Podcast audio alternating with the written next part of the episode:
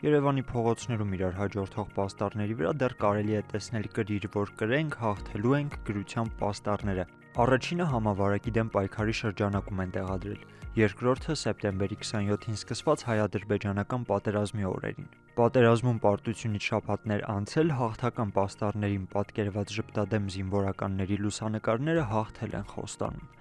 Այս պաստառները ռոպագանդայի օրինակներ են՝ միտված համախմբում ու միասնական պայքարի տրամադրություն ձևավորելու։ Ճգնաժամային իրավիճակներում, ինչպիսիք օրինակ համավարակի բռնկումը կամ պատերազմն են, սա ռոպագանդայի գործառույթներից մեկն է միայն։ Սակայն նման կոչերին եւ լոզունգներին ոչ քննադատական մոտեցումը կարող է ապակողմնորոշող լինել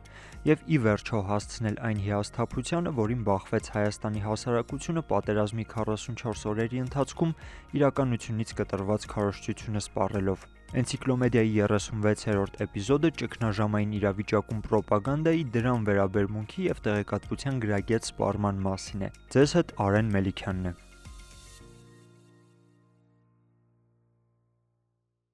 Պրոպագանդան պատերազմի ամենահզոր զենքերից մեկն է, որ ռազմի գործողություններին աջակցել է միշտ։ Ժամանակակից աշխարհում թեև պրոպագանդայի գործիքները մասամբ փոխվել են, օրինակ թռուցիկներին փոխարինել են փողոցներում փակցրված մեծ գովազդային վահանակները, իսկ համացանցում մեմերը, սակայն քարոզչության նպատակն անփոփոխ է։ Երևանի մամուլի ակումբի նախագահ Բորիս Նավասարդյանն ասում է քարոզչությունը միշտ չէ որ վատ է։ Քարոզչությունը ի վերջո կարող է իրականացվել նաև հանրության շահերից ելներով, ասենք առողջ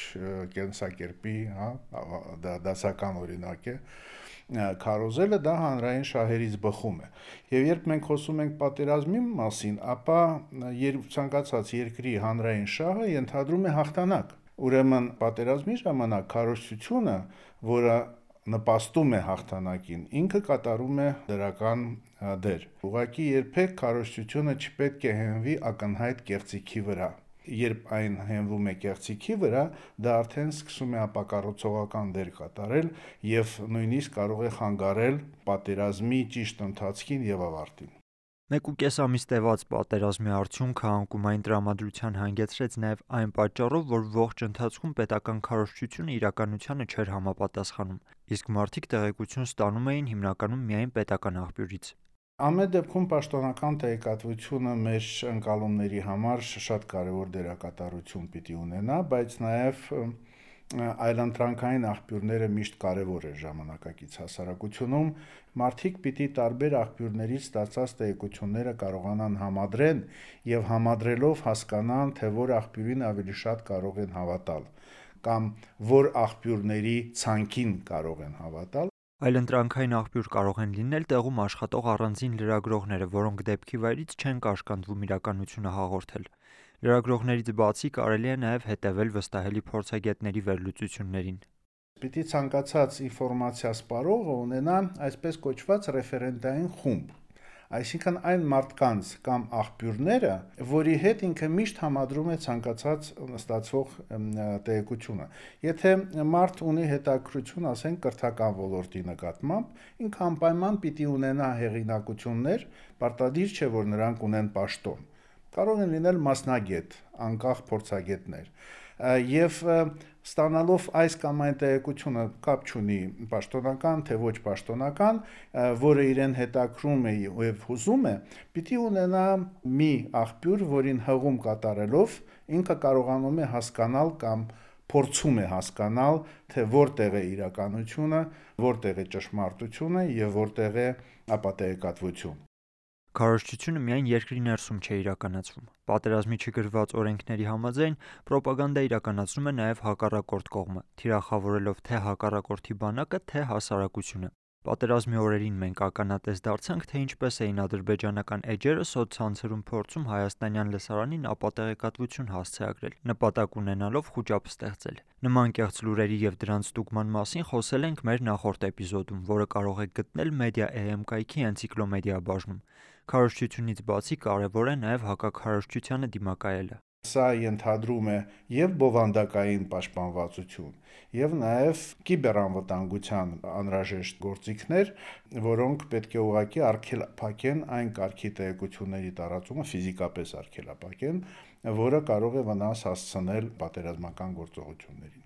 Ռազմական դրության պայմաններում, երբ պատասխանատվության է ենթարկվում պաշտոնականին հակասող բովանդակության հրապարակումը, ի հայտ է գալիս նաև ինքնագրաքննության հանգամանքը։ Սոցիոլոգ հետազոտող Սոցիոսկոպ հասարակական կազմակերպության նախագահ Արփի Մանուսյանն ասում է՝ մարդիկ հաճախ հենց իրենք են իրենց զսպում, խուսափելով ամբողջական ճշմարտությանը առերեսվելուց։ Միևնույն ժամանակ քարոզչությունը ստեղծում է ազգային միաբանության գաղափար կամ պատրանք,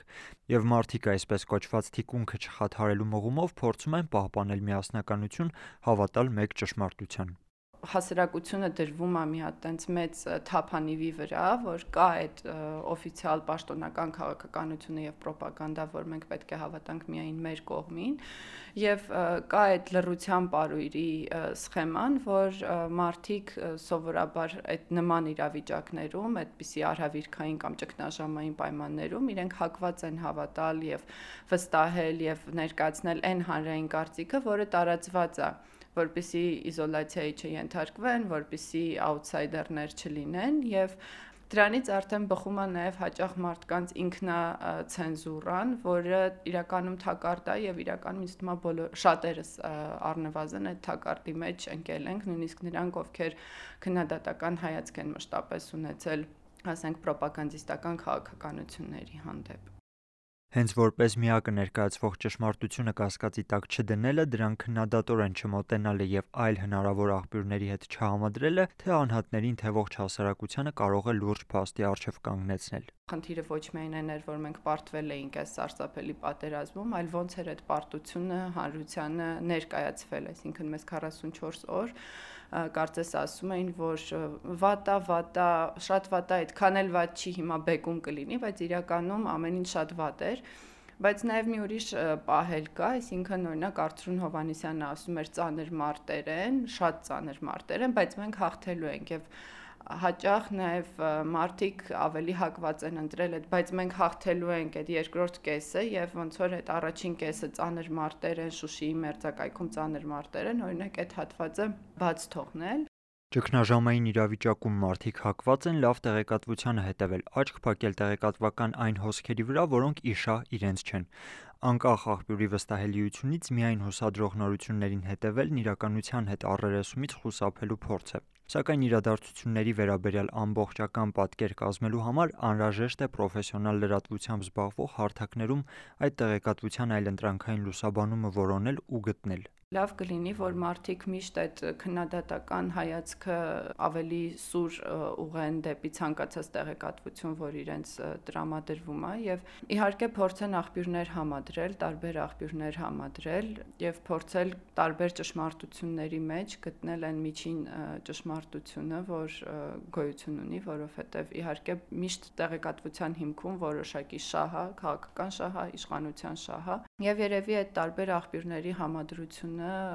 լավագույն լուծումը կլինի մեղմելու տարբեր տիպի հանրային շոկերը այս կամ այն երևույթի հանդեպ։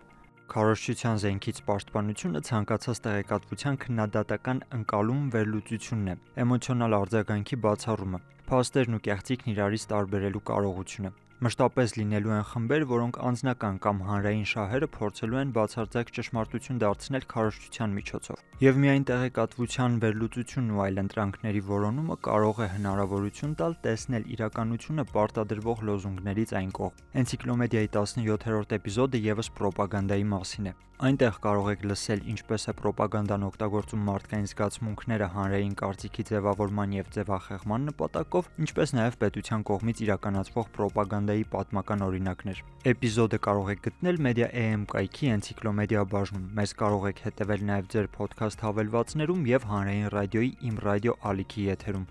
Այս էպիզոդում այսքանն էր։ Այն ձեզ համար ձայնագրեց Արեն Մելիքյանը։ Առայժմ